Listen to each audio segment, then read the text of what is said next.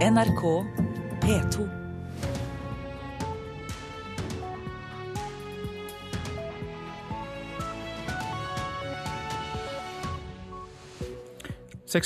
tirsdag 3. mars er dette hovedsaker. Fortsatt ingen kontakt mellom flygerne og ledelsen i flyselskapet Norwegian. 13 innstilte avganger i dag. Helseansatte skeptiske til at pårørende leier inn privat hjelp for å bistå sine slektninger på sykehjem. Mer enn en tredel av opplaget til norske aviser er nå digitalt. Samtidig fortsetter salget av papiraviser å stupe. Og norske museer bør selge gjenstander de ikke trenger, mener Frp-politiker Ib Thomsen. Private samler både inn- og utland som ønsker å kjøpe gjenstander som vi har nok av i Norge. Så kan vi da generere pengene tilbake til publikum. Og du kan nå søke om å få bo i tårnet på toppen av Holmenkollbakken i Oslo. Det skal det også høre mer om her i Nyhetsmorgen. Her i studio, Øystein Heggen. Norwegian innstiller altså 13 av sine avganger i dag, men så langt er det ingen store forsinkelser på de flyene som altså går. Det sier Charlotte Holmberg Jacobsen, informasjonssjef i Norwegian. Ja, vi har dessverre noen kanselleringer også i dag. Vi, vi forsøker å operere så mange fly som mulig eh, i den mån vi kan. Og I dag har vi kansellert 13 stykker flygninger, og i går var det 12 stykker. Og det er et antall innenriksruter i Norge og eh, en innenriks i Sverige og en tur og retur mellom Stockholm og Oslo. Alle berørte passasjerer har fått beskjed via SMS, og så mange som mulig har blitt omboket til neste fly. Og Målet er jo å få fram alle passasjerer til sin destinasjon. Har du noe anslag på hvor mange som er berørt av dette i dag? Eh, nei, det har jeg ingen oversikt over. Men det er jo 13 fly ut av totalt nærmere 500 flygninger som vi har hver dag. Så det er jo begrenset antall fly som er innstilt. Reporter her, Ellen Borge Christoffersen. Et vogntog sperrer et felt på E8 i Lavangsdalen i Troms. Sjåføren, en mann i 30-årene, er fraktet med ambulanse til eh, sykehuset etter at vogntoget veltet like etter halv fem i natt. Vekselkjøring er nå i gang på stedet. Det sier operasjonsleder i Troms politidistrikt, Gaute Hoff. Det betyr at man nå prøver å få forbi trafikk eh, som må kjøre i motgående kjørefelter under eh, ledelse fra de eh, som er på stedet der. Så På den måten så prøver vi da også å ha veien åpen i perioder, sånn at folk kommer seg til og fra.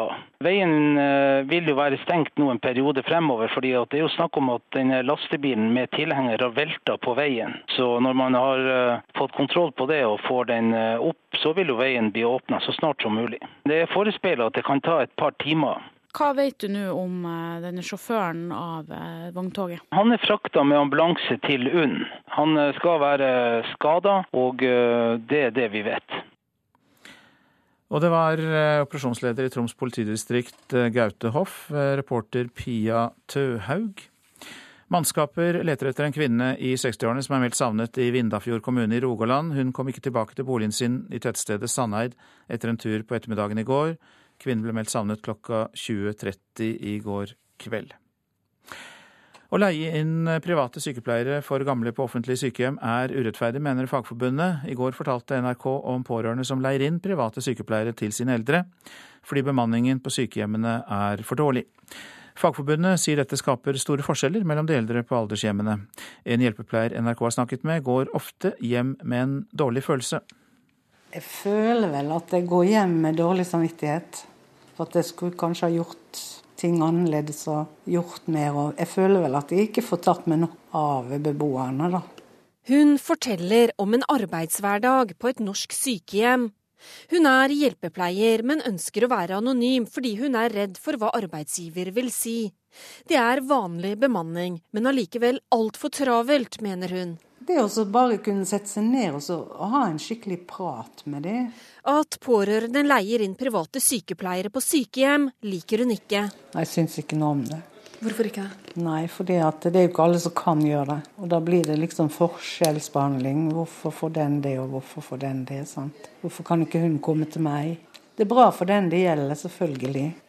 Men alle skulle jo hatt det. Det er mange som opplever at de skulle ha gjort så mye, mye mer for pasientene i løpet av dagen enn det de faktisk har rukket. Det sier Mette Nord, leder i Fagforbundet, som organiserer 100 000 medlemmer i helse- og omsorgssektoren.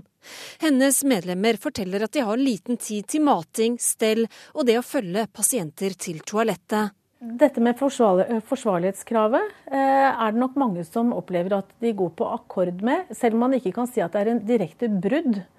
Men at eh, det som eh, sikrer at pasientene får f.eks. nok å drikke, det at man har ro og verdighet rundt måltider, sånn at man kan både klare å spise selv, i den grad det er mulig, men også tid nok til å få mat i seg på en, en, en positiv måte.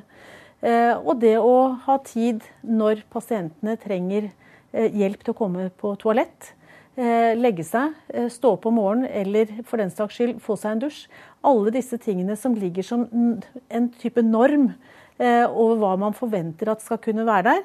Det er klart at Hvis du ikke rekker å gjøre dette på en positiv eller en god måte, så opplever folk at man går etter hvert på akkord med, med forsvarlighetskravene som ligger i helsepersonelloven. Ja, vi er glad når pårørende kommer, for da tenker vi at de hjelper til litt med, med beboeren. Og så har vi liksom ikke ansvaret akkurat den stunden de er der, da. Da kan vi kanskje konsentrere oss om noen andre eller noe annet. Hvorfor er det bra? Fordi at de avlaster, på en måte. Det viser, seg, det viser jo at det trengs flere òg. Reporter Ellen Omland. Anne Lise Christensen, god morgen til deg. Takk. Du er pasientombud, og hvordan reagerer du på det du hører her? Jeg må først si at jeg har forståelse for pårørende som går til dette skrittet, men jeg syns jo ikke at det er en ønsket utvikling eh, eller akseptabelt i det hele tatt. Men du syns det er eh, forståelig at de gjør det. Hvordan kan man da unngå at det skjer? Ja, Det er et godt spørsmål. og jeg tenker at Vi må ha større åpenhet eh, ute i kommunene om hvordan tilstanden er på sykehjemmene. Nå kommer det mange rapporter. Menneskerettighetssenteret har vært ute, Helsetilsynet har vært ute, pasientombudene har vært ute og fortalt om det samme som vi hører om i dette oppslaget her. Eh, før jul så sto politikere og helsemyndigheter i kø og sa at det er helt uakseptabelt det tilbudet som finnes på norske sykehjem. Men vi savner jo tiltakene. Eh, og jeg lurer på, Vi har jo på andre områder i livet bemanningsnorm f.eks. i norske barnehager. Eh, er det nødvendig for å sikre eldre god oppfølging på sykehjem, er jo et spørsmål man er nødt til å stille seg når vi ser på den utviklingen som er. Er det snakk om eh, flere hender til å jobbe på sykehjemmene, eller er det sånn at de som er der allerede kan strekke seg lenger? Mitt inntrykk, og mange andres tror jeg, er at de som jobber der, gjør så godt de kan. De løper rundt og, og følger opp eh, absolutt så godt de kan, men man etterspør jo både kompetanse, at det er for få med helsefaglig kompetanse ute på sykehjemmene med stadig sykere pasienter. Og så etterspør man de varme hendene. Det er for få til å ta seg av pasientene. Og det gjelder jo ikke bare å snakke med dem. Altså Det å få lov å gå på toalettet selv er en helt grunnleggende rettighet. Og jeg tenker det er helt uverdig hvis man er nødt til å la eldre mennesker som kan flytte seg til toalettet, f.eks. bruke bleie. Du sier det er et godt spørsmål hvordan vi skal klare å løse dette her. Og man kan jo lett gripe til dette med at det trengs eh, mer penger. Men vi har sett eksempler i eh, helsevesenet og andre steder at man har pumpet inn penger. Politiet har vi også sett dette. Så kommer det ikke nødvendigvis noe mer effektivitet ut av det. Effektivitet er jo et vanskelig spørsmål. Og jeg tenker at i behandlingen av mennesker eh, så er effektivitet problematisk. Det er noen grunnleggende ting som du er nødt til å dekke folk skal sikres tilstrekkelig ernæring. Dessverre har jo tilsyn fra Helsetilsynet vist at avvik, altså vi ser brudd på forsvarlig helsehjelp i 80% av de sakene de har undersøkt der man har sett på ernæring. Det blir folk dårligere av. Eh, det at folk ikke får gått på toalettet gjør at de får urinveisinfeksjon. Det igjen medfører at du har et større pleiebehov. Sånn at de tingene som man kanskje ikke tenker på som effektivitet, er jo det på lengre sikt, og må være på plass. Og ut ifra det vi hører, jeg har ikke, jeg kan ikke telle personalet og vite akkurat hva som er behovet, men ut fra alle de signalene vi får, så kan det se ut som, syns jeg, at ressursene ikke er tilstrekkelige.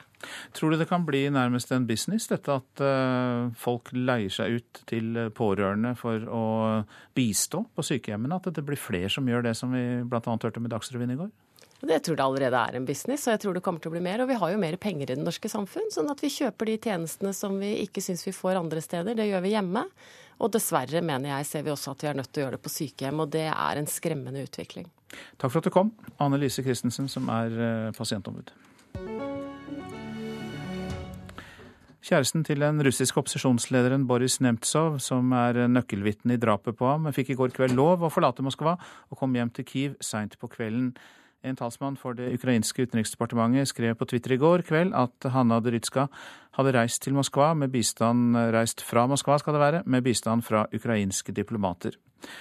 Dyrytska, som var sammen med Nemtsov da han ble skutt og drept i Moskva, klaget over at hun ble holdt tilbake av væpnede vakter, trass i at hun hadde fortalt alt hun visste til etterforskerne i et flere timer langt avhør.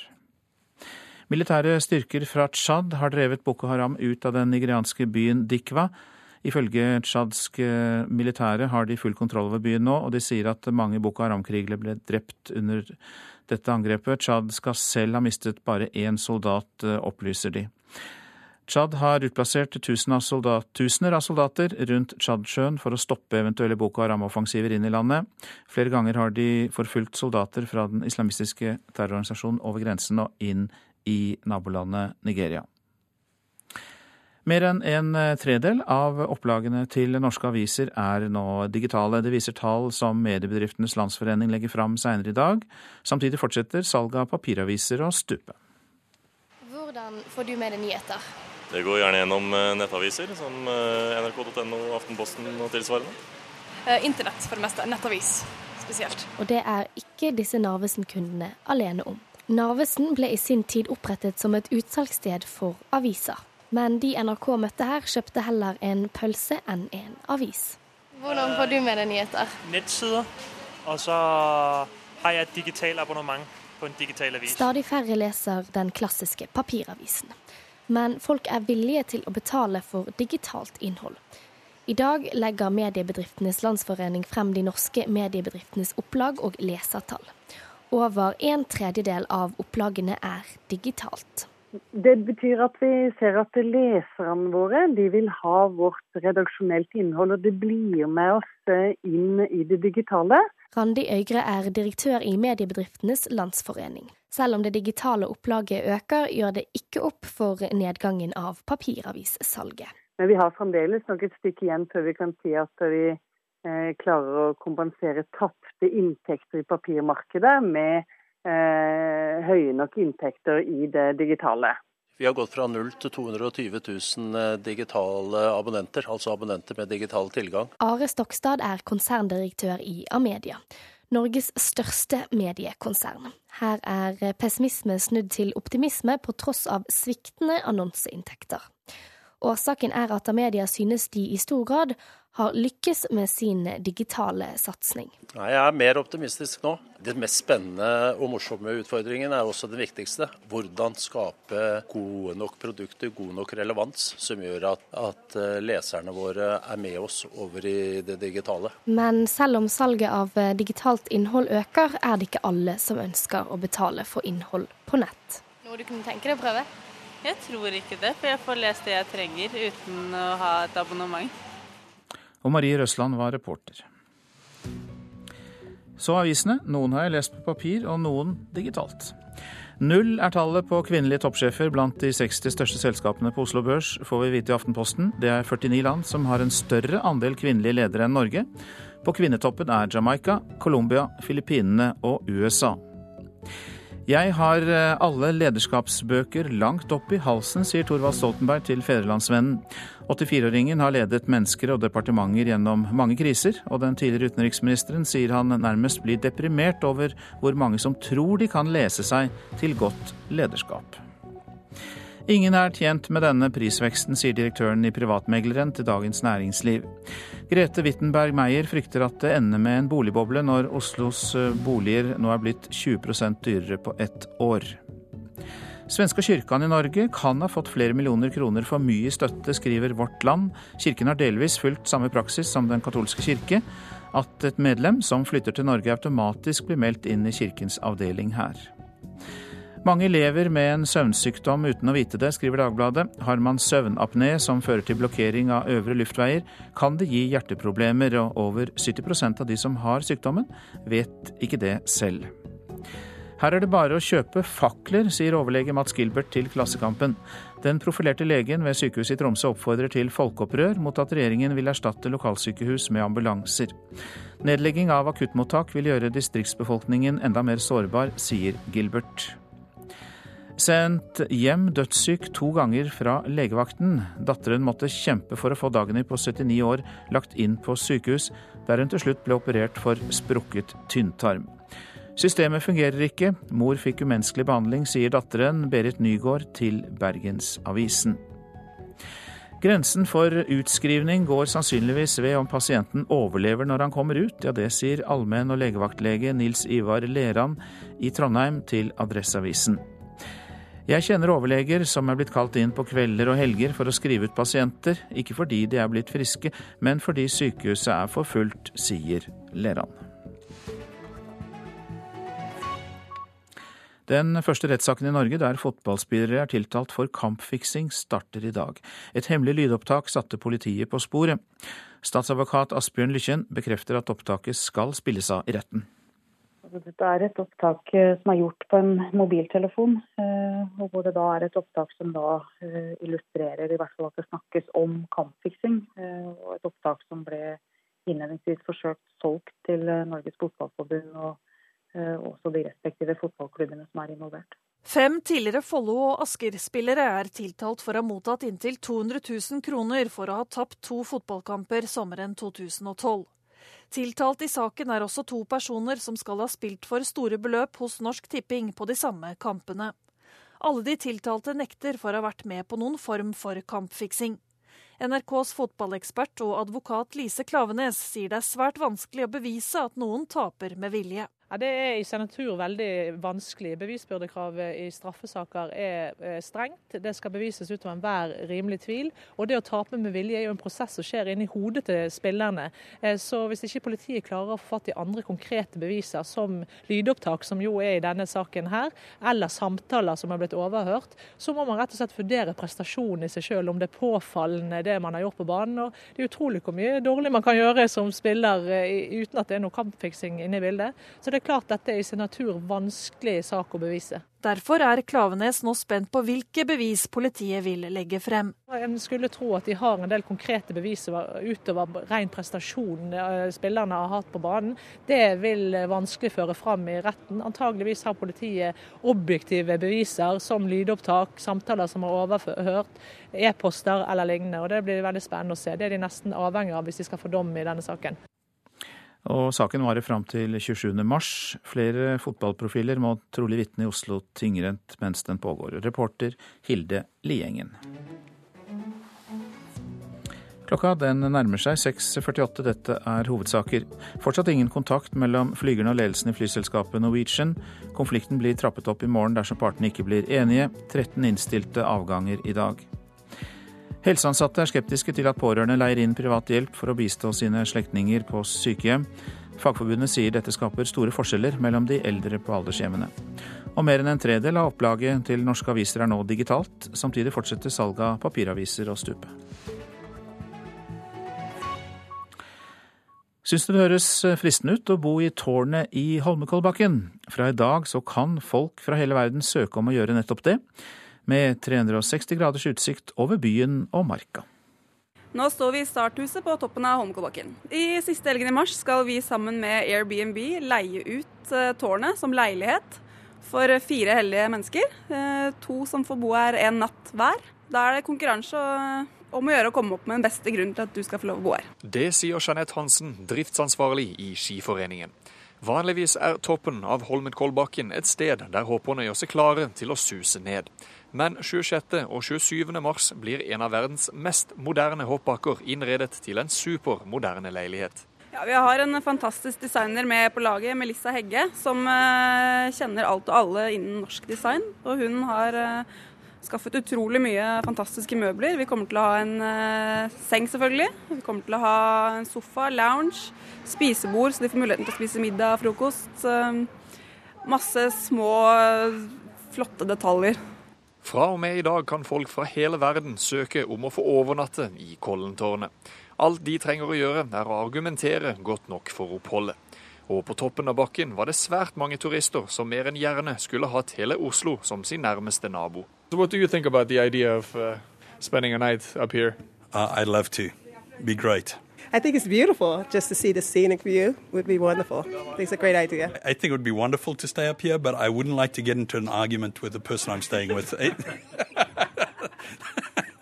yeah, that would be bad. Og ifølge Skiforeningens Jeanette Hansen er dette en unik sjanse man kun vil få en gang i livet. Nei, De kan jo selvfølgelig våkne opp og se hele Oslo by. De kan se Marka, Oslofjorden. Um, og så skal vi selvfølgelig lage et uh, veldig morsomt opplegg for de på dagen òg, så ikke de uh, kjeder seg her i Holmenkollen. Det har vi muligheten til. Der er det Kollensvevet, skiskyting, langrennskurs, skimuseet. Det blir en opplevelse hele døgnet. Og så er det dette her med å forlate stedet når de skal dra. De kommer ikke til å benytte seg av heisen, men Nei, Vi tenker en litt alternativ rute ned. da. Vi har uh, helgen før åpne Kollensvevet, zipline fra toppen av tårnet. Så vi tenker at de kan få muligheten til å ta den ut istedenfor å ta heisen ned. Hva tror du du vil sitte igjen med, disse heldige vinnerne? Nei, Det tror jeg kommer til å bli en opplevelse for livet. Det er jeg helt sikker på. Reporter her, det var Edin Babic. Kirkens Bymisjon i Oslo har ansatt ny generalsekretær, og vi har bedt deg komme hit. Adelheid Firing Vamsal, god morgen.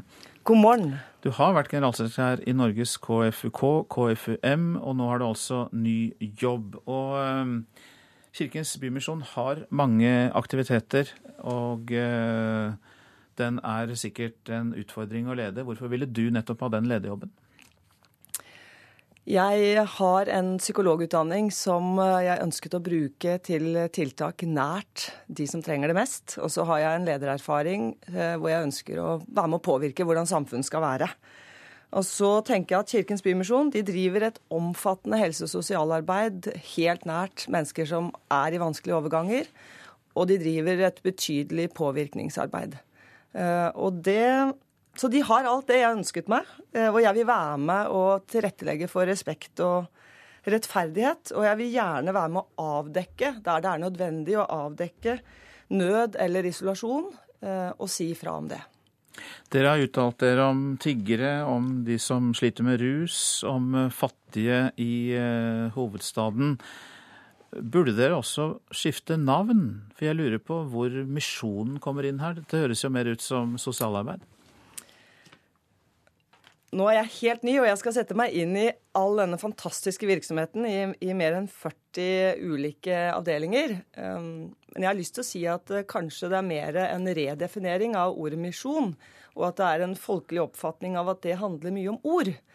Men det er jo et uttrykk som sier at uh, det går an å forkynne Guds ord om nødvendig med ord. Altså tenker jeg at det går an å praktisere um, kjærlighet og at man heller kan kalle det en gjerningsmisjon. Og det har eh, Kirkens Bymisjon og mange andre diakonale organisasjoner lang erfaring med å gjøre.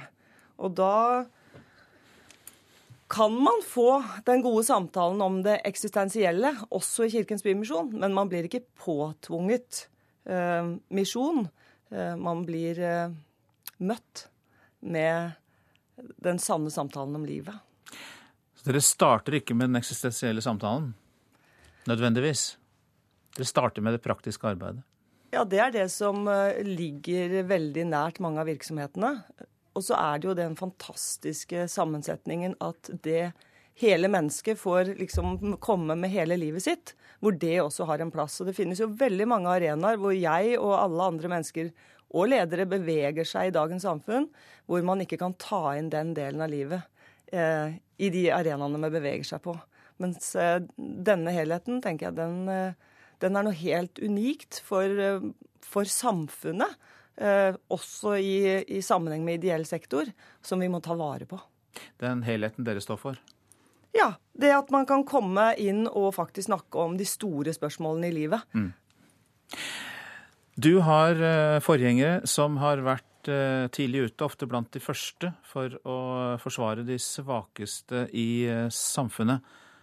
Opplever du det som veldig viktig, den lederrollen du får? Ja, det opplever jeg som en mulighet til å snakke om de utfordringene som vi per i dag står overfor. Og de, de utfordringene for de som uh, har det vanskeligst i perioder, både i Oslo og i Norge og i verden, de endrer seg jo.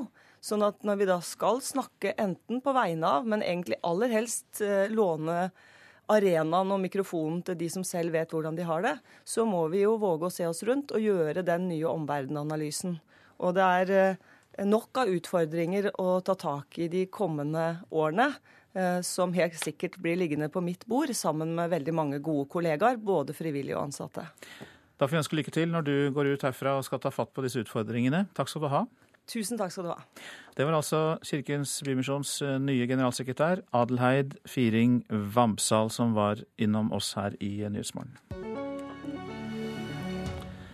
Norske museer nå for de bør få selge gjenstander de ikke trenger, mener Ib Thomsen, eh, som sitter i kulturkomiteen på Stortinget for Frp. Museene er overfylt av gjenstander eh, og kulturhistoriske bygninger, står derimot til forfall. Strenge regler og mangel på retningslinjer har hittil hindret museene i å kvitte seg med det de ikke klarer å forvalte. Det hoper seg opp, og man skal egentlig ikke si at man ikke kan ta vare på ting fordi man ikke har plass. Det sier Kristin Margrethe Gaugstad avdelingsleder for dokumentasjon og samling ved Oslo museum. Jeg, jeg, tror vi må være litt bevisst på den samlemanien som kanskje var til dels eh, veldig gjeldende fram til kanskje 1980 og kanskje helt frem til vår tid. At man har måttet eh, skulle ta vare på alt. Hvis museene i dag ønsker å kvitte seg med gjenstander, forholder de seg til internasjonale etiske retningslinjer og norsk kulturlov. Det er et juridisk og tidkrevende arbeid Samtidig som det haster med å rydde opp, skal det bli plass til å dokumentere vår egen samtid. Jeg har lyst på en vannseng fra 1980, f.eks. Altså være mer sånn ikonisk enn det. Men vi har ikke plass. Men det som er mye av, er jo 1800-tallet. Og det er veldig lite kanskje 1960, 1970, 2000-tallet. Nå er vi i bruksfjøset vårt på museet. Det forteller Jorunn Gunnestad, leder for byggene ved Glåmdalsmuseet i Hedmark. Hun viser oss en fjøs uten noe slags unik museumsrelevans, som museet likevel er forplikta til å forvalte. Av de 513 husa som Anno museum har ansvar for, så er det en del hus som en, som det ikke er en veldig klar grunn til at man skal ha som del av museumssamling. Og Glåmdalsmuseet vil måtte prioritere hardt fremover hvis de skal ha et ønske om å dokumentere vår egen tids byggeskikker. Det er et ønske om at vi skal oppdatere oss i forhold til å gå lenger opp i tid, altså ta vare på også vår nære fortid. Men det er klart det er ganske vanskelig eh, i forhold til plass, ressurser, og også hvordan man på beste måte tar vare på eh, kan si, samtida sin byggeskikk. Ib Thomsen, Fremskrittspartiets representant i kulturkomiteen, mener det må bli lettere å selge museumsgjenstander. Private samler både inn- og utland som ønsker å kjøpe gjenstander som vi har nok av i Norge, eh, som vi allikevel kan dokumentere historien vår. Så, så, hvorfor ikke benytte oss av det, disse som ønsker å betale for gjenstandene, og så kan vi da generere pengene tilbake til publikum og gode utstillingslokaler. Mens enkelte museer er i gang med å dokumentere og rydde i samlingene sine, mener Ib Thomsen at kunnskapen blant norske politikere er dårlig, og at museene for framtida må komme sterkere på banen. Jeg tror ikke kunnskapen er til stede verken hos politikerne eller de som styrer departementet, Kulturdepartementet, Kulturrådet, er så stor på dette området. Eh, og jeg tror kanskje at eh, museene selv må kunne fortelle politikerne om hvilke problemstillinger de har rundt dette her, og hva de ønsker å endre for å nå det målet sitt om bedre utstillinger og mer fornuftig bruk av penger. Reportere her Torunn Myhre og Tove Kampestuen Heierdal. Så til værvarselet. Fjell i Sør-Norge, enkelte snøbyger i vest, ellers stort sett opphold og gløtt av sol. Østlandet, enkelte sludd- eller snøbyger i Hedmark, ellers stort sett oppholdsvær og perioder med sol, lokal tåke først på dagen. Vest-Agder, Aust-Agder og Telemark. I vest enkelte sludd- og snøbyger, regnbyger nær kysten. I øst stort sett opphold og perioder med sol. Så går vi til Vestlandet sør for Stad. Regnbyger, snøbyger over 200 meter, utrygt for torden og haglbyger. Møre og Romsdal og Trøndelag enkelte regnbyger, vestlig da på Sunnmøre. Snøbyger over ca. 200 meter. Nordland først på dagen enkelte regnbyger over ca. 400 meter snøbyger, perioder med sol. Troms sørlig liten kuling utsatte steder. Fra ettermiddag bris, spredte regnbyger i høyden og indre strøk sludd og snø. Finnmark sørlig stiv kuling utsatte steder. Minkende til liten kuling. Fra ettermiddag bris, spredt snø sør på vidda, ellers delvis skyet oppholdsvær. Nordensjøland på Spitsbergen. Liten kuling utsatte steder, snø av og til, utpå ettermiddagen oppholdsvær. Temperaturer klokka fire i natt. Svalbard lufthavn minus to, Kirkenes pluss én. Vardø pluss to, Alta og Tromsø tre. Bodø to, Brønnøysund én. Trondheim minus to, Molde minus én. Så er det noen plussgrader igjen. Bergen to, Stavanger én, Kristiansand-Kjevik minus to. Gardermoen null, Lillehammer minus én, Røros minus ni, og Oslo-Blindern hadde pluss to grader da klokka var fire. NRK P2.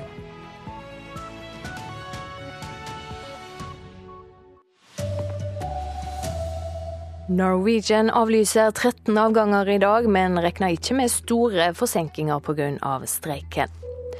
Og ingen av de 60 største selskapene på børsen har kvinnelig toppleder. Her er NRK Dagsnytt klokka sju. Flygerstreiken i Norwegian fører altså til 13 innstilte avganger i dag. Det sier informasjonssjef Charlotte Holmberg Jacobsson. Ja, vi har dessverre noen kanselleringer også i dag. Vi, vi forsøker å operere så mange fly som mulig eh, i den mån vi kan. Og I dag har vi kansellert 13 stykker flygninger, og i går var det 12 stykker.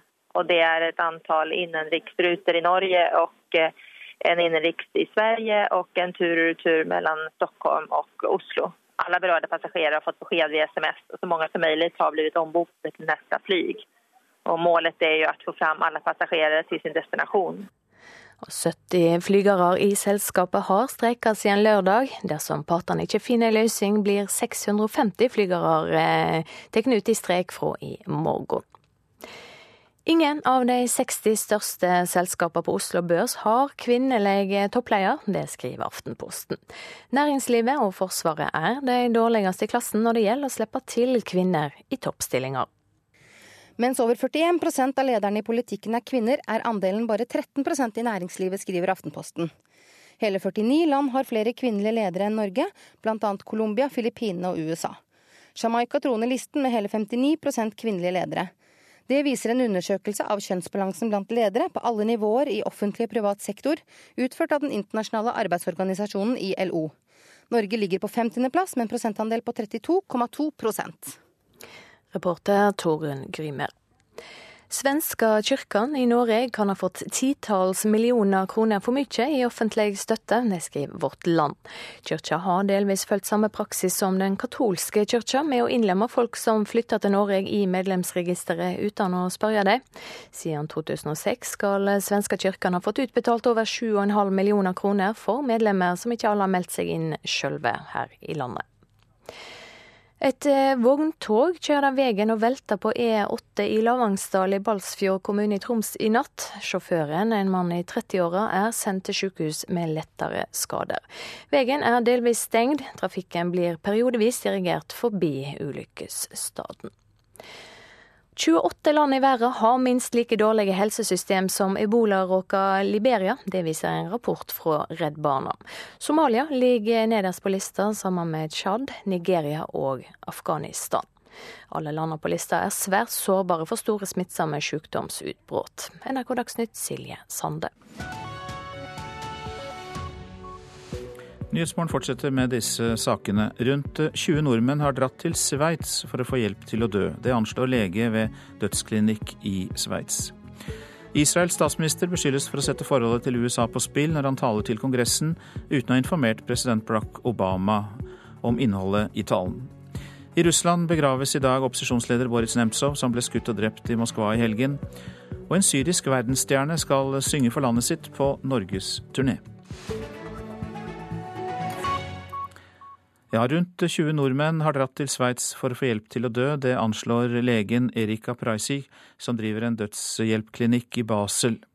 41 år gamle Siv Tove valgte å avslutte livet sitt i Sveits. Døren åpner seg, og Siv Tove kjører rullestolen inn i rommet hvor hun snart skal dø. På en seng med rødt laken og blomstrete putetrekk. Hun har en uhelbredelig lungesykdom som sakte kveler henne. Lungekapasiteten er på bare 12% Helseteamet filmer det hele når Siv Tove svarer på de siste kontrollspørsmålene. Så får hun slippe.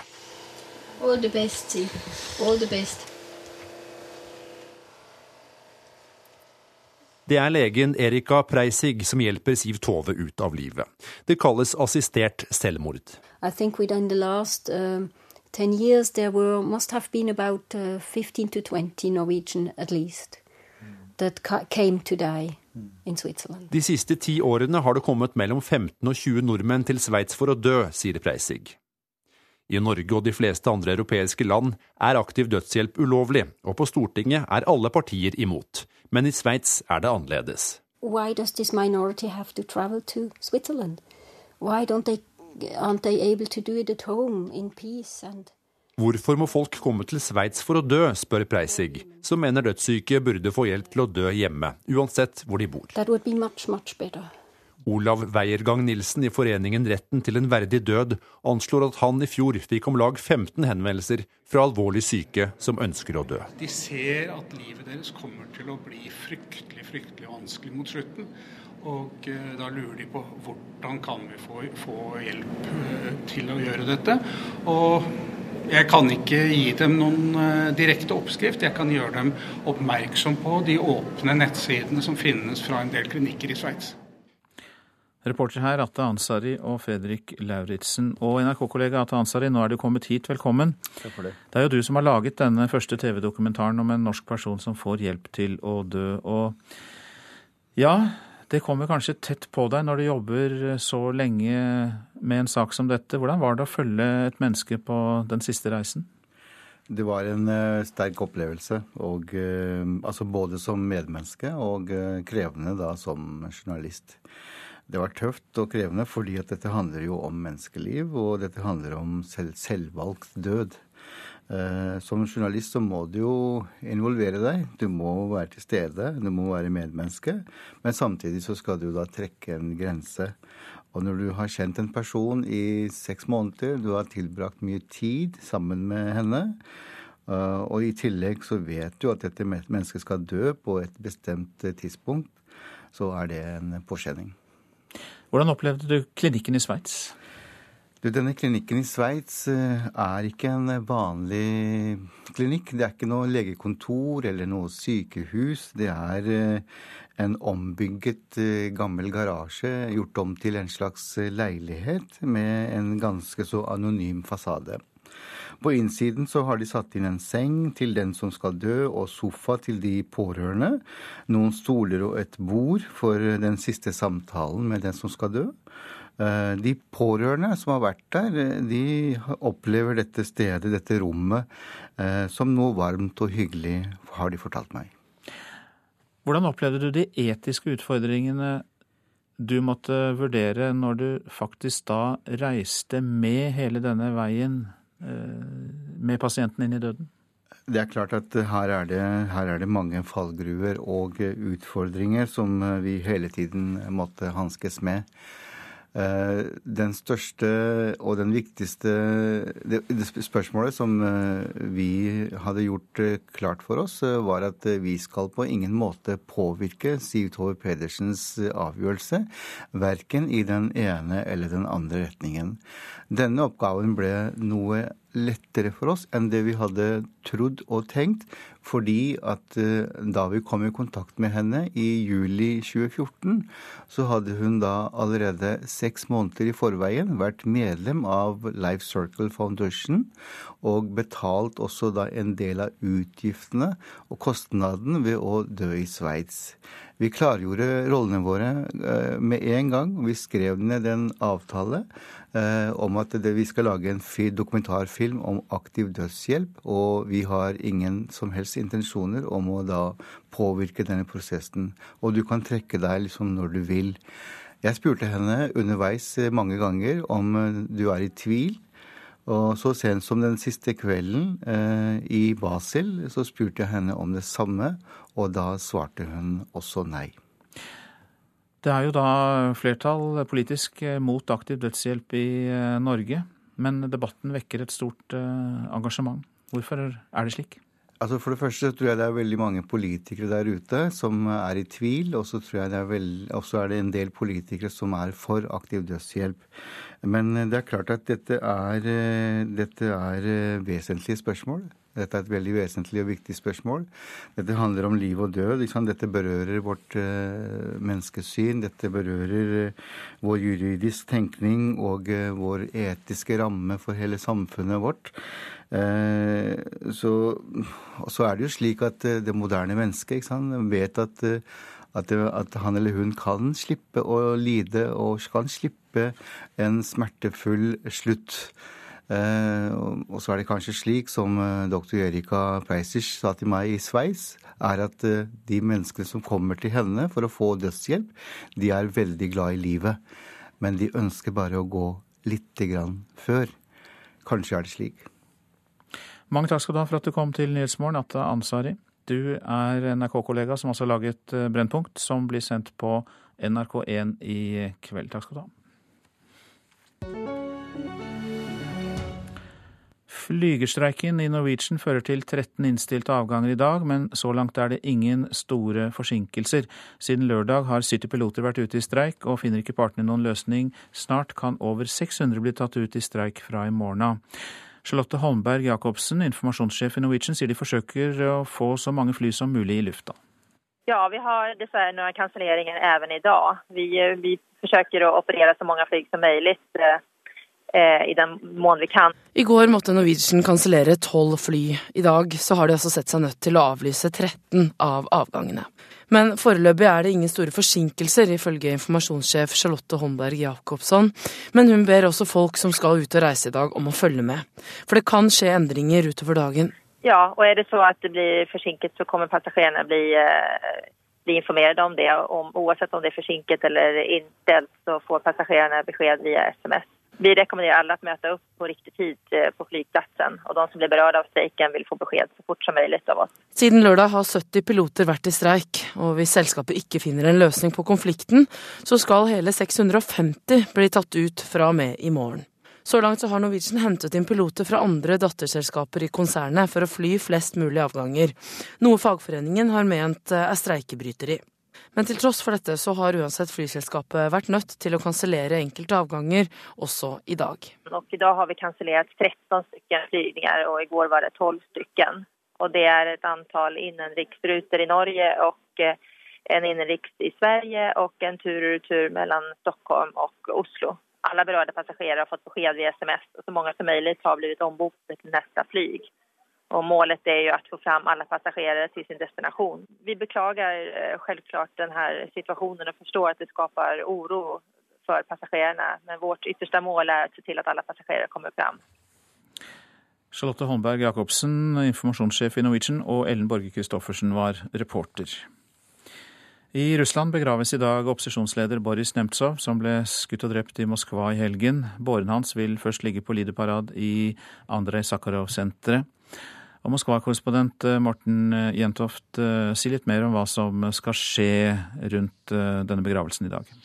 Ja, Som du sier, om en knapp time så uh, skal han da uh, ligge da på lite parat, som det da heter, da, uh, på Sakharov-senteret. Det er snakk om at det skal skje i løpet av en periode på fire timer. Da kan folk da få lov å ta et siste farvel med Boris Nemtsov der. og Deretter så skal han fraktes gjennom hele Moskva da til uh, Trojkorovsk kirkegården, som ligger helt i utkanten av Moskva. Og Det er jo ventet at det vil bli stor deltakelse også på disse arrangementene i dag. vi husker at det var kanskje så mange som 50 000, kanskje opptil 70 000 som deltok i minnemarkeringen for Boris Nemtsov på, på søndag. Sånn at det er ventet eh, stor oppslutning i dag også, selv om det er en vanlig hverdag her i Russland. Og så er det flere som ønsker å delta i begravelsen, men som er nektet innreise til eh, Russland. Eh, stemmer ikke det også? Jo da, det stemmer. I går ble det klart at presidenten i det polske overhuset i parlamentet der, Bogdan Borusevic, han var nektet innreise til, til Russland. Det samme gjelder også den høyt profilerte latviske politikeren, tidligere utenriksministeren Sandra Kalniete, medlem av Europaparlamentet. Hun ble stoppet faktisk på Sjeremetjevo-flyplassen her i Moskva. Fikk vite at hun ikke får komme inn. Dette er nok en, en slags svar på tiltale eh, fra Russland fordi at man fra EU har innført sanksjoner, bl.a. mot lederen i det russiske overhuset, den tidligere borgermesteren i St. Petersburg, Valentina Matvienko. Men likevel så vekker det jo en viss oppsikt at man da nekter folk å komme til en begravelse. Vi har tidligere i sendingen hørt at Boris Nemtsovs kjæreste, som var sammen med han drapskvelden, nå har fått reise hjem til Ukraina. Hva har hun fortalt? Ja, Anna Doritskaja hun eh, ga jo et par intervjuer i går, bl.a. til den uavhengige TV-kanalen Dozd og til radiostasjonen Ekko Moskva. Eh, hun sa ikke så veldig mye. Eh, hun husker lite av selve drapsøyeblikket. Hun var fortvilet fordi hun ble holdt igjen i, i, i, i Russland, selv om hun da sa at hun hadde gitt alle de forklaringene hun kunne. Eh, I går kveld så ble, fikk hun da lov å reise tilbake til, eh, til eh, Kiev. Eh, der eh, nektet hun også å snakke med pressen når hun kom til Bodispol flyplassen utenfor Kiev. Så hun har ikke sagt så veldig mye, men hun har sagt at hun eh, ikke klarer og rett og slett orker å være med på begravelsen i, i, i, dag. Men hun har sagt at hun vil samarbeide med russiske etterforskere videre fremover i saken. Takk skal du ha i denne omgang, Moskva-korrespondent eh, Morten Jentoft. Klokka nærmer seg 7.16. Dette er hovedsaker. Fortsatt ingen kontakt mellom flygerne og ledelsen i flyselskapet Norwegian. Konflikten blir trappet opp i morgen dersom partene ikke blir enige. Det er 13 innstilte avganger i dag. Rundt 20 nordmenn er dratt til Sveits for å få hjelp til å dø. Det anslår lege ved dødsklinikk i eh, Sveits. Og Israels statsminister beskyldes for å sette forholdet til USA på spill. Det skal vi høre mer om. For eh, Benjamin Netanyahu skal nemlig holde den mest kontroversielle talen noensinne, kan det tenkes, i Kongressen. Han blir beskyldt for å sette det nære forholdet mellom USA og Israel på en stor prøve når han taler til kongresspolitikerne uten å ha informert president Barack Obama på forhånd. Og denne talen skaper intens debatt både i USA og i Israel. I plan to speak about an Iranian regime that is threatening to destroy Israel, that's devouring country after country in the Middle East. Jeg skal snakke om et iransk regime som truer med å utslette Israel, og som sluker land etter land i Midtøsten, sier Benjamin Netanyahu. Den israelske statsministeren får enorm oppmerksomhet her i USA nå. Ikke pga. talen han holdt i går på konferansen til den pro-israelske lobbyorganisasjonen APAC, men pga. den han skal holde i dag. Foran en samlet amerikansk kongress skal Netanyahu tale Israels sak. Og kritisere Obama-administrasjonens forsøk på å få til en diplomatisk avtale med Iran om landets atomprogram. Never has so much been written about a speech that hasn't been given. Netanyahu er imot en slik avtale, fordi den vil tillate Iran å beholde atomprogrammet. Det synet deler han med mange republikanere i Kongressen, og det er de som har invitert ham til Capitol Hill i dag. Uh, these are important messages that the Congress needs to hear and the American people need to hear. And I believe that Prime Minister Netanyahu is the perfect person to deliver the, the message of how serious this threat is. Han har viktige argumenter som Kongressen og det amerikanske folket trenger å få høre, forklarer kongressleder John Boehner. Han inviterte Netanyahu uten å informere president Obama, selv etter at Obama nektet å møte den israelske statsministeren, siden det bare er to uker til det er valg i Israel. Og det er dette som har skapt slik intens debatt. Det er høyst uvanlig at lederen for en fremmed stat blir invitert til Kongressen uten samtidig å møte presidenten. Det er upassende og ødeleggende for forholdet mellom USA og Israel, mener kritikerne. Spesielt fordi Netanyahu kommer til Kongressen mens USA forhandler om en atomavtale med Iran i Genéve. W. Bush had initiated the war in Iraq and Democrats were controlling Congress, if they had invited, let's say, the president of France uh, to appear before Congress to criticize uh, or to air those disagreements, I think most people would say, well, President Obama selv mener dette kan sammenlignes med at Kongressen skulle ha invitert en motstander av Irak-krigen til å tale like etter at president Bush hadde startet den krigen. En håndfull demokratiske kongresspolitikere boikotter talen i dag.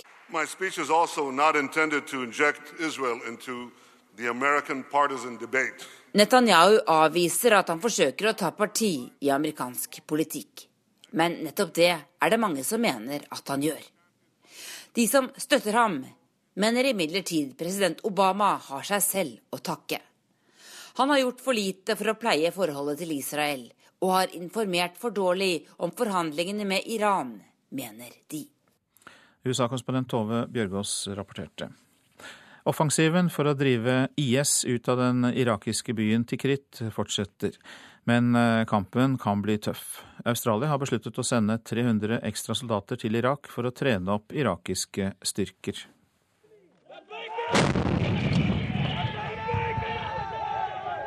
En rakett skytes fra toppen av et militærkjøretøy like utenfor Tikrit. Den etterlater seg en stripe av svart røyk på sin ferd mot byen. Soldatene roper, og det irakske flagget vaier i vinden. Militæroffensiven for å drive IS ut av Saddam Husseins fødeby Tikrit fortsetter. 30 000 irakske soldater og krigere fra Iran-støttede sjiamilitser er med. Dette er for IS, rottene. Vi vil knuse dem i Tikrit, over hele Tikrit, sier en av soldatene. Tikrit er strategisk viktig, der den ligger kun to timer kjøring nord for Bagdad. Den blir sett på som et skritt på veien mot å drive IS ut av Mosul, Iraks andre største by. En operasjon er planlagt mot Mosul i vår. Samtidig, i blitsregnet på en pressekonferanse i den australske hovedstaden Canberra, sier statsminister Tony Abbott at han vil sende 300 ekstra australske soldater for å trene opp irakske styrker. Australia har allerede lovet 600 soldater til den amerikanskledede koalisjonen mot IS.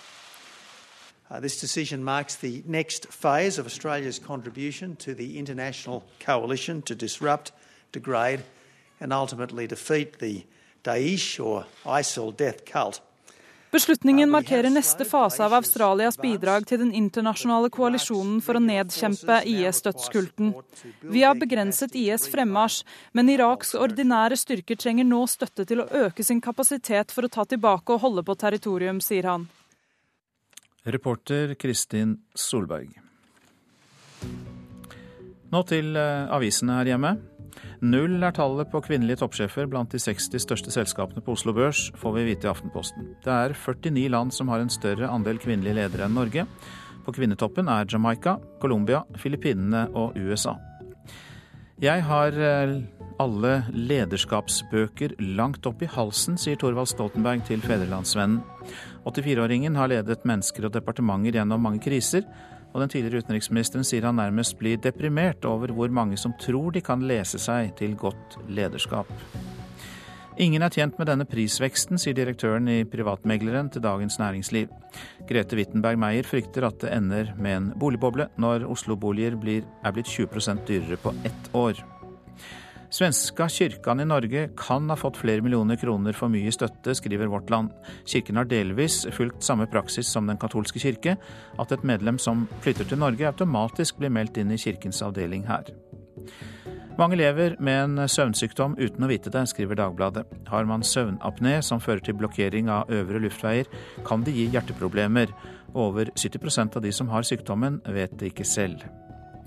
Her er det bare å kjøpe fakler, sier overlege Mats Gilbert til Klassekampen. Den profilerte legen ved sykehuset i Tromsø oppfordrer til folkeopprør mot at regjeringen vil erstatte lokalsykehus med ambulanser. Nedleggingen av akuttmottak vil gjøre distriktsbefolkningen enda mer sårbar, sier Gilbert. Sendt hjem dødssyk to ganger fra legevakten. Datteren måtte kjempe for å få Dagny på 79 år lagt inn på sykehus, der hun til slutt ble operert for sprukket tynntarm. Systemet fungerer ikke. Mor fikk umenneskelig behandling. Det sier datteren Berit Nygaard til Bergensavisen. Grensen for utskrivning går sannsynligvis ved om pasienten overlever når han kommer ut. Det sier allmenn- og legevaktlege Nils Ivar Leran i Trondheim til Adresseavisen. Leran sier han kjenner overleger som er blitt kalt inn på kvelder og helger for å skrive ut pasienter, ikke fordi de er blitt friske, men fordi sykehuset er for fullt.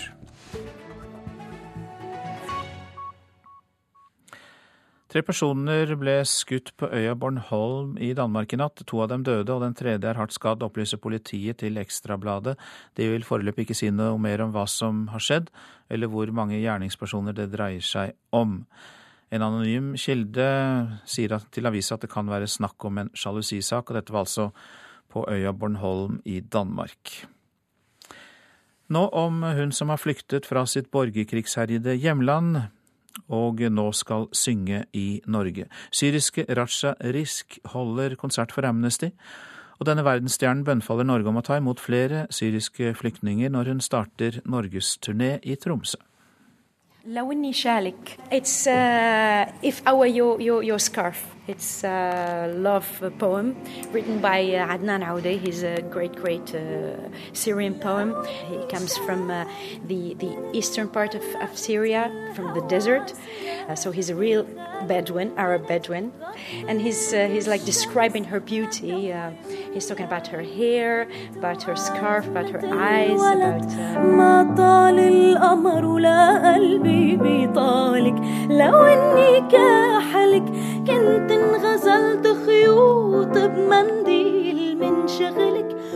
Rasha Risk øver i kulturhusfoajeen i Tromsø. Den syriske flyktningen og musikalske stjerna er for første gang i Norge. Hun bringer tradisjonelle syriske sanger med seg, som denne kjærlighetssangen med tekst av en arabisk beduin fra de østlige delene av Syria. La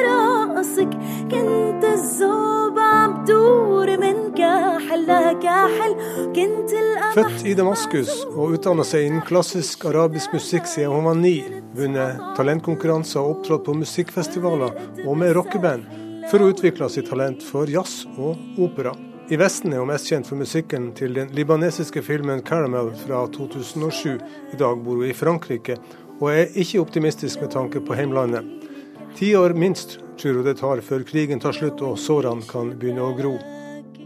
So the people will start to forget all these, all, all the blood, all the um, beloved ones that lost uh, or killed or. Uh...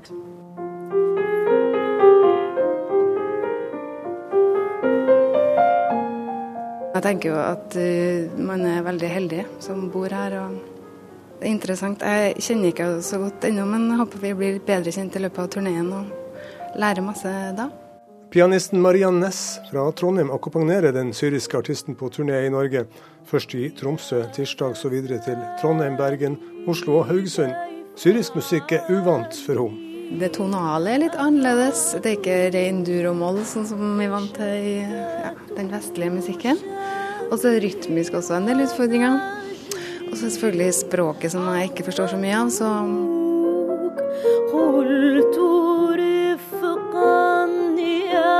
Vi tenkte at det ville være en fin idé å vise Syria fra en side som hadde med at dette er en rik kulturnasjon. At de har fantastiske kunstnere. Det er menneskerettsorganisasjonen Amnesty som har fått Rasha Rist til Norge. Amnesty utfordrer norske myndigheter til å ta imot 5000 syriske flyktninger. Ole Gunnar Solheim er regionleder nord. Det er en prekær, vanskelig situasjon. 11 eh, millioner mennesker på flukt. Det er jo to ganger Norges befolkning. Så det, det, er viktig for oss i Amnesty nå at vi med denne turneen gir et klart beskjed om at uh, norske kommuner kan gå her i forkant og si at uh, vi ønsker å ta imot flyktninger. Beg these government to save these, these people, to save these victims.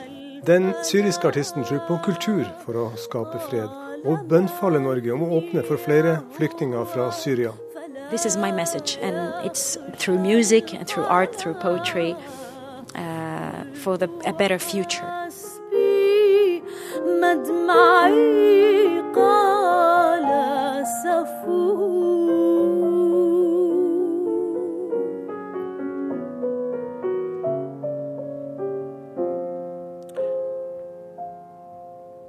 Raja Risk ble akkompagnert av Maria Næss.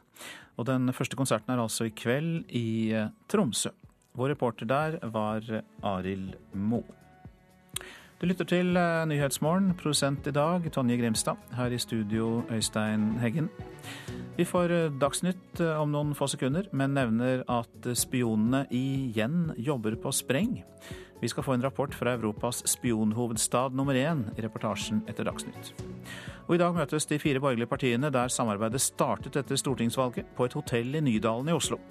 Møtet blir tema i Politisk kvarter, og dit kommer statsminister Erna Solberg.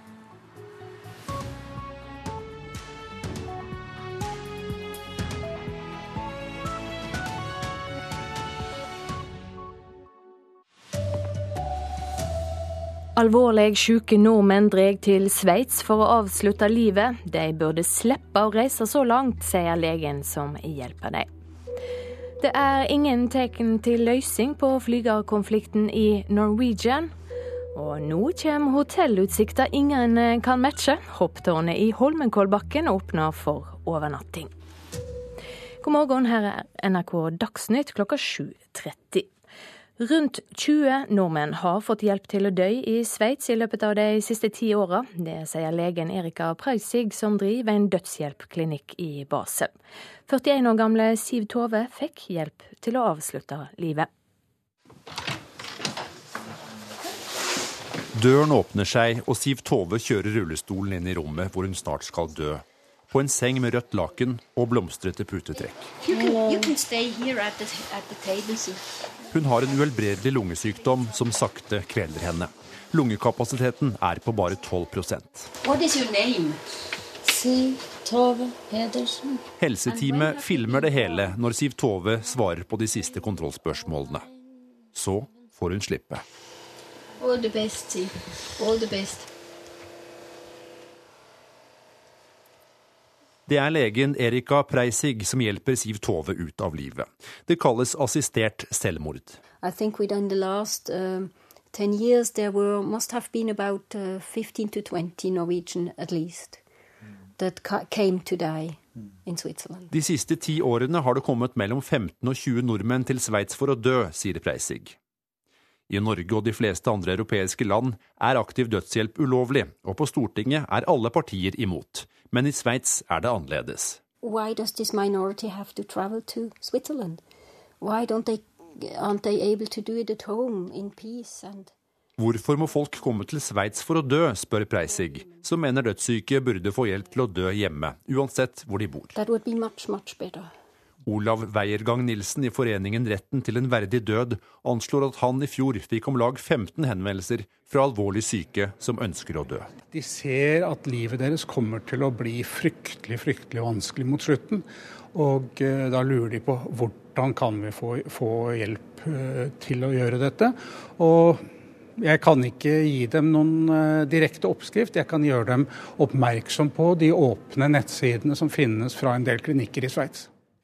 Og det blir mer om dette i Brennpunkt på NRK1 i kveld. Reportere Atta Ansari og Fredrik Lauritzen.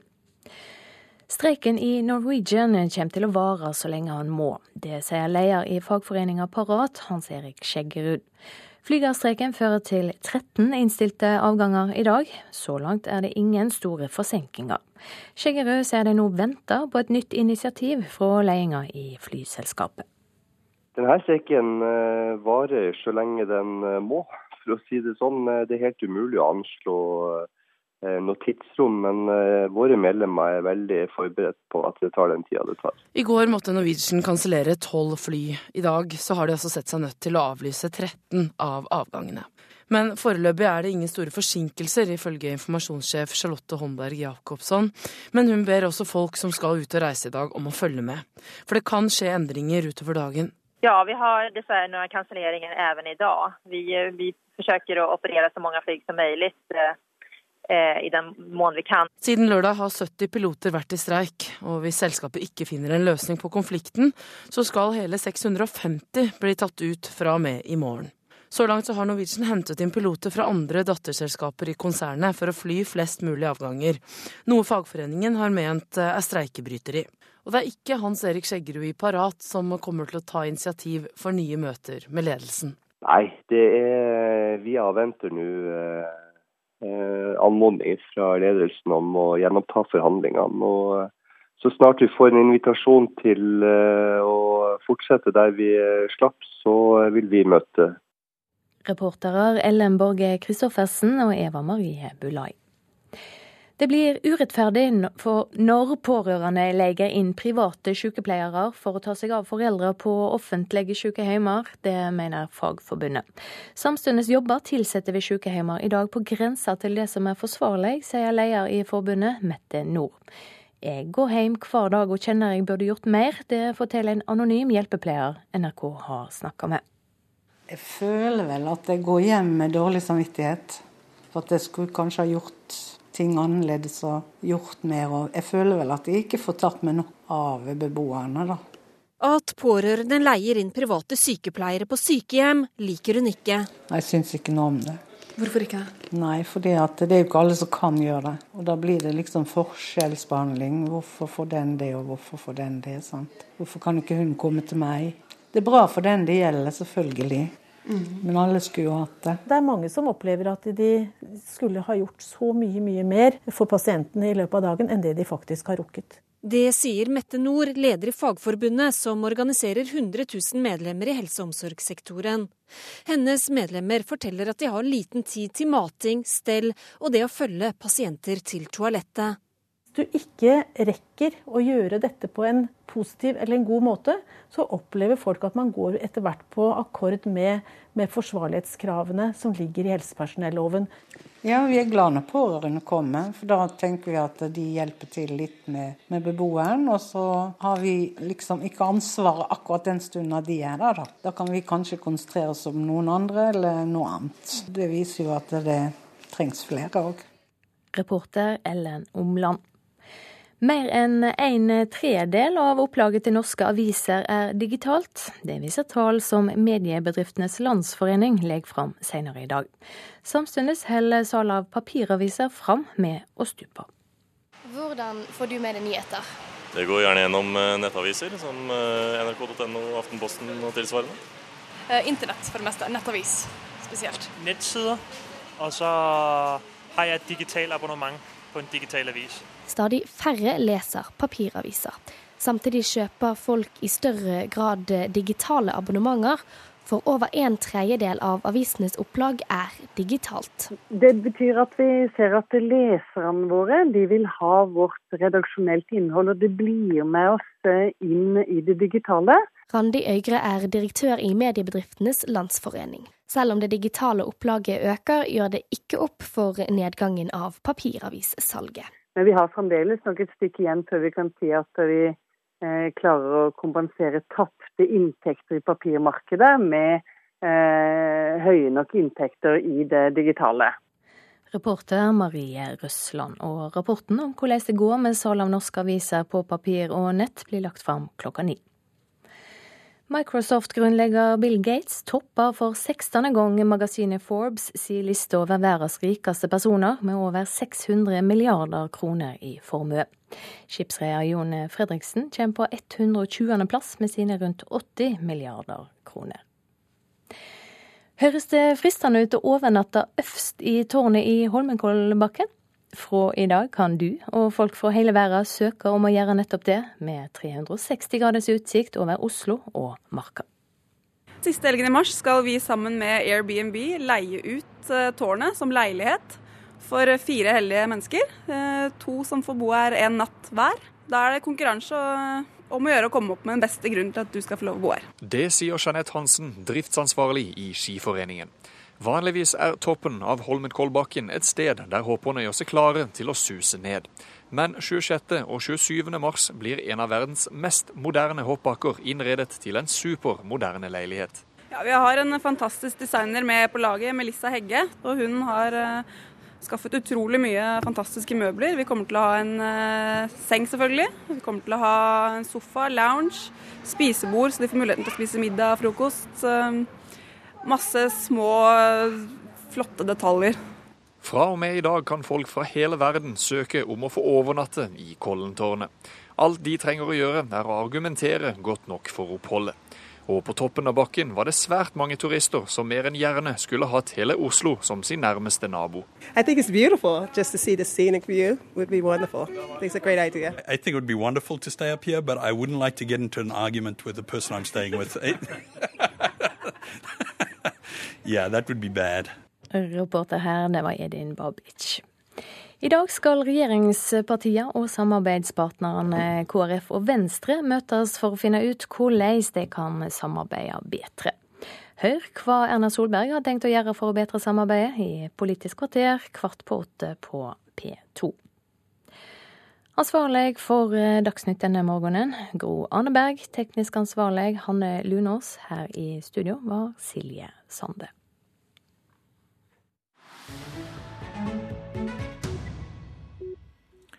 Du lytter til eh, Nyhetsmorgen.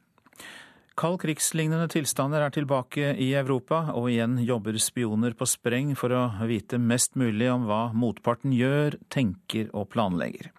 Det er nemlig slik man ofte trekker det lengste strå i spionenes verden.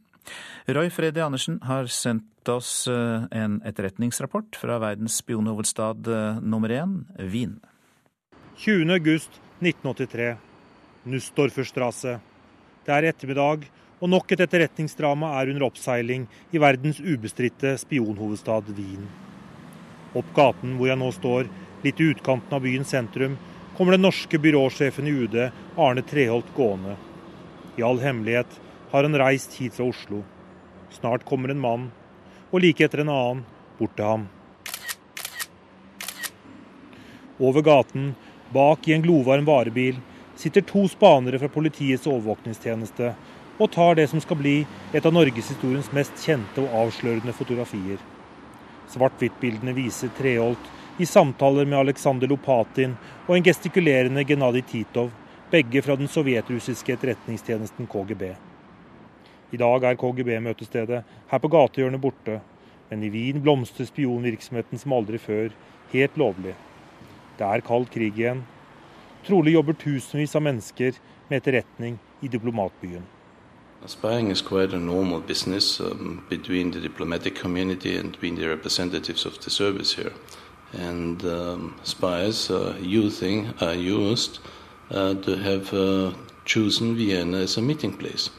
Wien, med sin beliggenhet ved grensen mellom øst og vest, nord og sør, byens gode liv og med alle sine tunge internasjonale organisasjoner, har alltid vært som en honningkrukke for etterretningsagenter, forteller Gert René Polly, Østerrikes tidligere etterretningssjef til NRK. I 30 år var han i bransjen, før han ga seg for fem år siden. I dag driver han eget firma som hjelper selskaper og organisasjoner med datasikkerhet og med å stoppe industrispionasje. Men fortsatt spiller utpressing, sex og penger en viktig rolle, forteller eks-etterretningssjef Polly. Um, spionage operation is uh, the most uh, thrilling thing, but also the most dirty thing to run. I Wien bytter skitne penger hender. Her har sabotasjeaksjoner og drap blitt planlagt, og arresterte agenter blitt utvekslet mellom stormaktene. Det summer av stemmer i gangene i FN-bygget hvor det internasjonale atomenergibyrået IAEA ligger. Norges nye ambassadør til Østerrike, Bente Angel Hansen, er nettopp ferdig med en av dagens flere møter her. Mye av spionasjen retter seg mot IAEA og OSSE, som også har hovedkvarter i Wien. Angel Hansen innser at hun her i dette bygget ofte har samtaler med personer som jobber for eller rapporterer til etterretningsorganisasjoner. Det er helt sikkert. Antallet diplomater i denne byen, og det sier noe om Wien som internasjonal by, er over 17 000. Angel Hansen sier at utenrikstjenesten følger opp én gruppe spesielt. For utspekulerte agenter forsøker å innynde seg hos andre diplomater ved å være hjelpsomme, vennlige og sjarmerende. Jeg vil ikke gå noe i detaljer på det, men når det gjelder personkontakt, da, så vil jeg si at de, de unge er sårbare fordi de er nye. Den norske ambassadøren sier at å bruke ukrypterte mobiltelefoner og datamaskiner nå er som å rope ut av vinduet. Vi må legge til grunn at alt som går på åpne linjer, eh, det kan også mm, fremmede lytte til. Så jeg har ikke et eh, allmøte hos meg uten at jeg nær sagt begynner med disse spørsmålene her. Dette er hovedsaker i Nyhetsmorgen. Rundt 20 alvorlig syke nordmenn har dratt til Sveits for å få hjelp til å dø. Det anslår lege ved dødsklinikk i Sveits. Det er ingen tegn til løsning på flygekonflikten i Norwegian. Det er 13 innstilte avganger i dag. Mer enn en tredel av opplaget til norske aviser er nå digitalt. Samtidig fortsetter salget av papiraviser å stupe. Israels statsminister beskyldes for å sette forholdet til USA på spill når han taler til Kongressen uten å ha informert president Barack Obama på forhånd. Og nå straks er det Politisk kvarter. Programleder er Astrid Randen.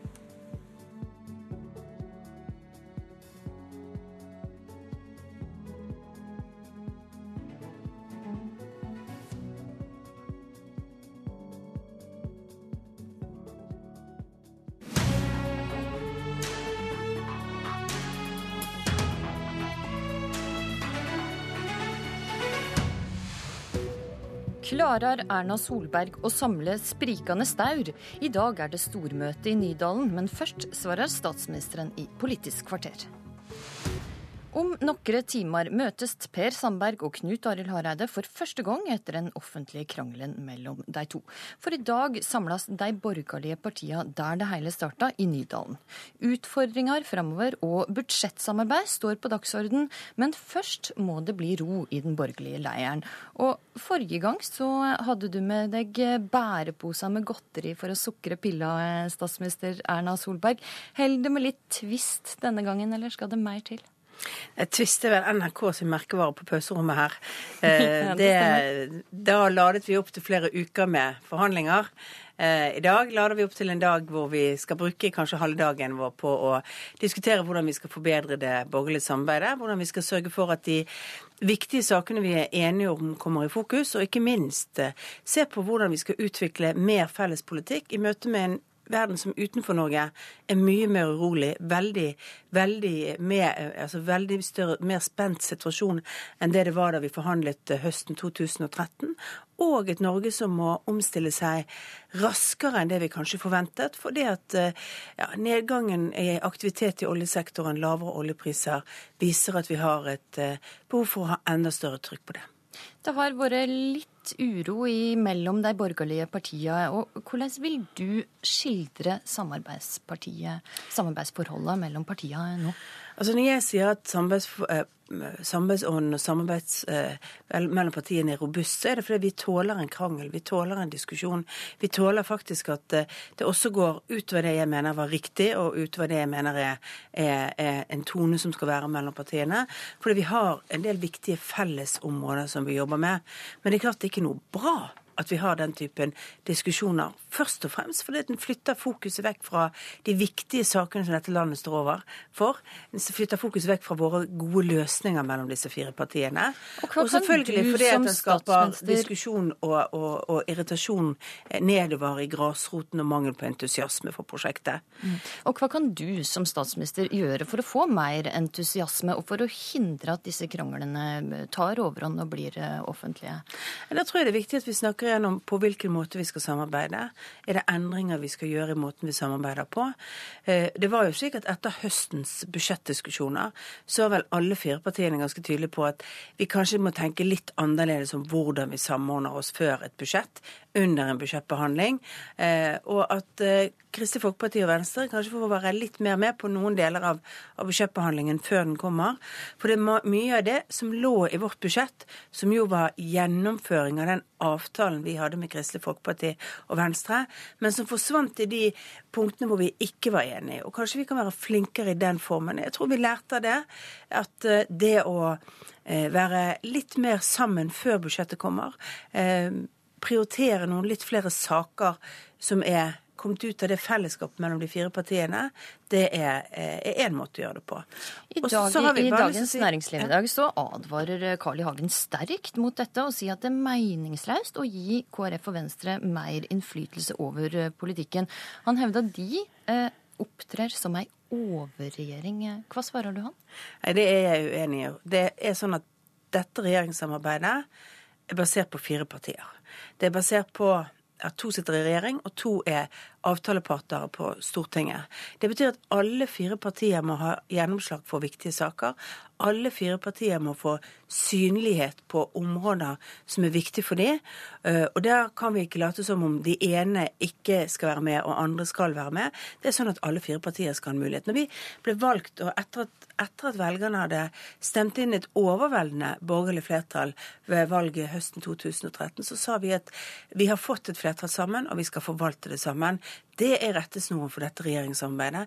Vi forvalter den makten velgerne ga oss høsten 2013 sammen. Men vil du ikke da gi mer makt til KrF og Venstre hvis du lar deg få være med på forhandlingene? Makt og ansvar.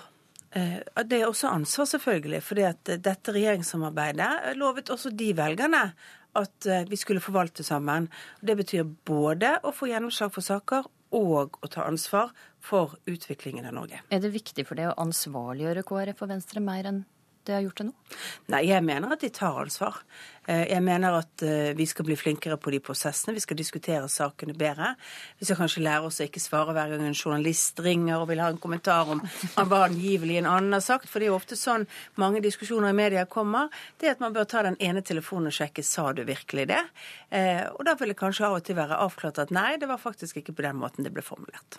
For nær to uker siden så kom Per Sandberg med et kraftig angrep mot Kristelig Folkeparti. Der han angrep anklaga KrF for å være skyldig i at fremmedkrigere massakrerer kvinner og barn. Har du sjøl snakka snakka med Per Sandberg etter at han kom med dette angrepet mot eh, KrF? Nei, jeg har ikke snakket med Per Sandberg. Det har Siv Jensen gjort. Det er Siv Jensen som er partileder i Fremskrittspartiet. Per Sandberg er nestleder i Fremskrittspartiet. Det er ikke min jobb å stramme opp alle politikere på borgerlig side eller fortelle det. Men vi har vært i kontakt fra statsministerens kontor når vi har fortalt hva vi skulle fortelle, og hva vi kom til å si. Blant annet at jeg mente at dette hadde gått over streken, og at uh, det var grunn for at Siv Jensen på vegne av Fremskrittspartiet beklaget. For jeg mener mener at de uttalelsene han hadde den gangen, hadde en form uh, som, som, burde beklages. Jeg Så mener, statsministerens jeg, kontor var i kontakt jeg, med Per Sandberg eller Siv Jensen? Jeg mener, jeg var i kontakt med Siv Jensen. Jeg mener at det er vesentlig at vi i Norge ikke faller i den gruven at vi skylder på hverandre for disse store, vanskelige spørsmålene som står over.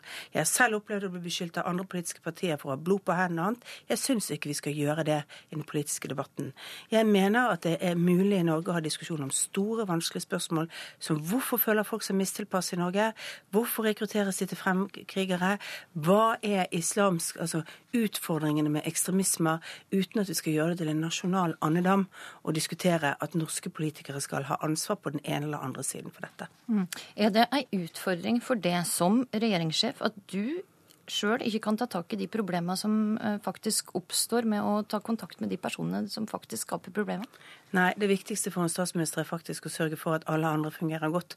Og har godt, jeg har et veldig godt samarbeid med Siv Jensen om eh, dette. Jeg har et godt samarbeid med de andre partiene om dette. Og selvfølgelig er vi nær kontakt. Men det viktigste vi gjør, det er faktisk å bruke tiden på å gjøre dette samfunnet bedre for innbyggerne i landet. Og sørge for at vi holder hovedfokuset på de politiske sakene og på hvordan Norge styres. Og det mener jeg faktisk at dette regjeringen gjør bra. Vi har altså nå begynt en omstilling til et samfunn som både skal være grønnere, men også skal løfte innovasjonen, nyskapingen og annet. Og det er der vi må ha fokuset. For at vi skal sikre at folk får trygge jobber i fremtiden. Men har Siv Jensen kontroll over troppene sine? Altså, litt av grunnen til at jeg spør, er at det bare er en rekke kontroversielle utspill fra Frp den siste tida. Erlend Wiborg har anklaget Kåre Willoch for å spre jødehat. Carl I. Hagen har støtta Pegida-leder Max Hermansen. Og så hadde du Per Sandberg eh, sitt utspill. Stoler du på at Siv Jensen har kontroll? Det er sånn at det er lov å drive politisk diskusjon selv om man sitter i regjering. Så mener jeg at formen på den diskusjonen bør også reflektere at partiet sitter i regjering. Derfor var, det, derfor var det naturlig at Per Sandberg også beklaget de uttalelsene han hadde. Og jeg mener uansett at denne beskyldningen mot enkeltpersoner eller andre som har andre politiske saker, som har ansvar for store og viktige eh, samfunnsutviklinger internasjonalt eller annet, det syns jeg bare blir feil. Det blir en flytting av fokus fra hvordan vi skal løse oppgavene, til en eh, partipolitisk eh, diskusjon som jeg ikke syns tjener utfordringene Norge står overfor. Men er det noe du som statsminister kan gjøre for å få bedre kontroll over troppene også i Frp? Sørge for at vi holder fokuset på de viktige oppgavene. Sørge for at denne regjeringen er opptatt av hvordan folk har det. Sørge for at vi er opptatt av hvordan vi utvikler norsk skole. Det er i svaret på sakene, og at vi ikke hele tiden lar oss by opp av medias ønske om fokus på konflikt. Tvert imot eh, sørge for at hovedfokuset er på hvordan Norge skal bli et bedre samfunn fremover. Det er det vi jobber med hver eneste dag. Det er mitt ansvar som leder for Norge. Snakke mindre med journalister, altså det er ett av svarene? Nei, snakke mer om de viktige sakene og det som betyr noe for folk. Snakke mindre om det politiske spillet, og snakke mer om det faktum at Norge er et utrolig bra land å bo i. Men vi kan bli enda bedre, og vi har noen utfordringer for å opprettholde det velferdssamfunnet vi har fremover. Og Det er derfor regjeringen jobber så mye med de andre sakene. Hver eneste dag så går hele dette regjeringskollegiet på jobb for å sørge for at vi bygger mer veier, for å sørge for at barnehagene våre får bedre innhold, skolen utvikler seg, og at ikke minst at Norge har en viktig stemme i den internasjonale verden vi står overfor, som er mye mer urolig. Apropos de sakene som betyr noe for folk, og også for partiene du samarbeider med. Dagsavisen skriver i dag at regjeringa og støttepartiet arbeider med ei løysing der lengeværende asylbarn som er sendt ut av landet, skal få prøvd saka si på nytt i Norge. Kan du stadfeste dette? Vi sa jo eh, denne diskusjonen har pågått tidligere, at vi skal snakke sammen. Ja, vi snakker sammen, men eh, hva vi snakker sammen om, har jeg ingenting å si om. Men kan eh, møtet i dag resultere i at det kommer fram til en ny løsning for de lengeværende? Dette er ikke tema på dagens møte. Dagens møte dreier seg om hvordan vi skal samarbeide, ikke minst om hvordan budsjettprosessen er. Eh, det er ikke så mange enkeltsaker som kommer til å ha avgjort på dette møtet. Erna Solberg, du får ha lykke til med møtet i dag. Vi håper å få ta en ny prat med deg når møtet er over, slik at du kan fortelle om resultatet. Takk for at du kom til Politisk kvarter. Lars Nehru Sand, kommentator her i NRK. Hvis regjeringa hadde klart å løse eh, problemet med de lengeværende asylbarna, hvor mye av samarbeidsproblemene mellom partiene hadde forsvunnet da? Det er helt klart en av de sakene som eh, etter budsjettet har bidratt til at, eh, at kaoset på borgerlig side, som man kaller det, har fortsatt. Men det er også eh, hvordan dette problemet løses, er sentralt. fordi det vil også være en sak hvor politikken flyttes nærmere sentrum, er det grunn til å anta, eh, for at asylbarnsaken skal løses. Og da handler det mye om hvordan Fremskrittspartiet føler at deres interesser blir ivaretatt når eh, Kristelig Folkeparti og Venstre skal eh, få en løsning de kan leve med i, i akkurat asylbarnsaken. Så den er ikke eh, enkel å løse. og Derfor vil det også ta tid eh, før man kommer frem til en, en, løsning alle kan leve med. Mm. Jeg forsøkte å spørre Erna Solberg litt om hvordan kontroll hun har på, på troppene sine og på regjeringsprosjektet. Hva kan du si om den kontrollen du mener at eh, regjeringssjefen har? Etter, eller Siden budsjettet ble lagt frem eh, og frem til nå, så har ikke den vært eh, god nok. Det handler ikke bare om Erna Solberg, men det handler om at hun må bruke eh, møtet i dag til å få tilliten til de fire partiene tilbake der den var da de satt og, og sonderte sammen. De må finne tilbake til det felles prosjektet, den felles politiske identiteten de hadde, fordi det har drukna i, i flere saker fra oktober og frem til nå. Altså, men kan, hva kan Erna Solberg gjøre for å få kontroll på eh, Per Sandberg, som flere sier åpent at det skader regjeringsprosjektet? Jeg er enig med Solberg når hun sier at hun har gjort eh, det hun kan gjøre som leder for regjeringen. Det er Siv Jensen som, som er partileder for uh, Sandberg. Og akkurat uh, forholdet Siv Jensen-Per Sandberg preges jo veldig av Jensens ønske om ro for hele regjeringen, som står i motsetning til hennes forståelse for hvilket bakland Sandberg representerer, og hvordan hun kan håndtere ikke bare han, men hele det baklandet. Og det, eh, Den spenningen der er kanskje noe av det mer intense i, i hele regjeringsprosjektet akkurat nå. Mm. Kan dagens eh, møte resultere i? Altså, hvorfor er denne dagen her så avgjørende? Det handler om organisasjon og kulturbygging i mer enn blant de menneskene som sitter i det rommet i dag. Det er profesjonelle politikere som jobber her i Oslo og ser hverandre relativt ofte. Eh, men det å vise frem for det ganske land at dette er et firepartisamarbeid som har noe for seg, det handler ikke bare om budsjettprosessen og de reformsakene regjeringen skal presentere før sommeren. Det handler også om at eh, nå skal alle partiene møtes til landsmøter. Eh, alle fire er avhengig av grasroter som som, som føler en, at dette prosjektet har noe for seg, og at samarbeidet gir resultater. At man får noe igjen for det. Og Derfor er det viktig at de fire står sammen nå som partier og som partiledelser og, og viser at, at er, man er på en ny kurs sammenlignet med hvordan forholdene har vært. Er det noen enkle grep Solberg kan gjøre for å få det borgerlige samarbeidet til å bli bedre? Eh, det er ikke noen quick fix, men det har vært snakk om hvordan hun organiserer både den politiske ledelsen på statsministerens kontor, hvordan man forankrer politikk i Stortinget, og hvordan samarbeidet fungerer på en måte på nivået under henne som, som leder for hele prosjektet. Eh, hvorvidt det er noen konkrete løsninger på det i dag, det, det er vel ikke hovedtema når de, når de møtes i Nydalen. Møtet i Nydalen begynner klokka halv ett. Lars Nehru Sand, du følger det utover dagen, og med NRK Nyheter vil være tilbake med intervju og analyser når møtet er over, rundt klokka seks i kveld. Denne sendinga er slutt. I studio i dag satt Astrid Randen.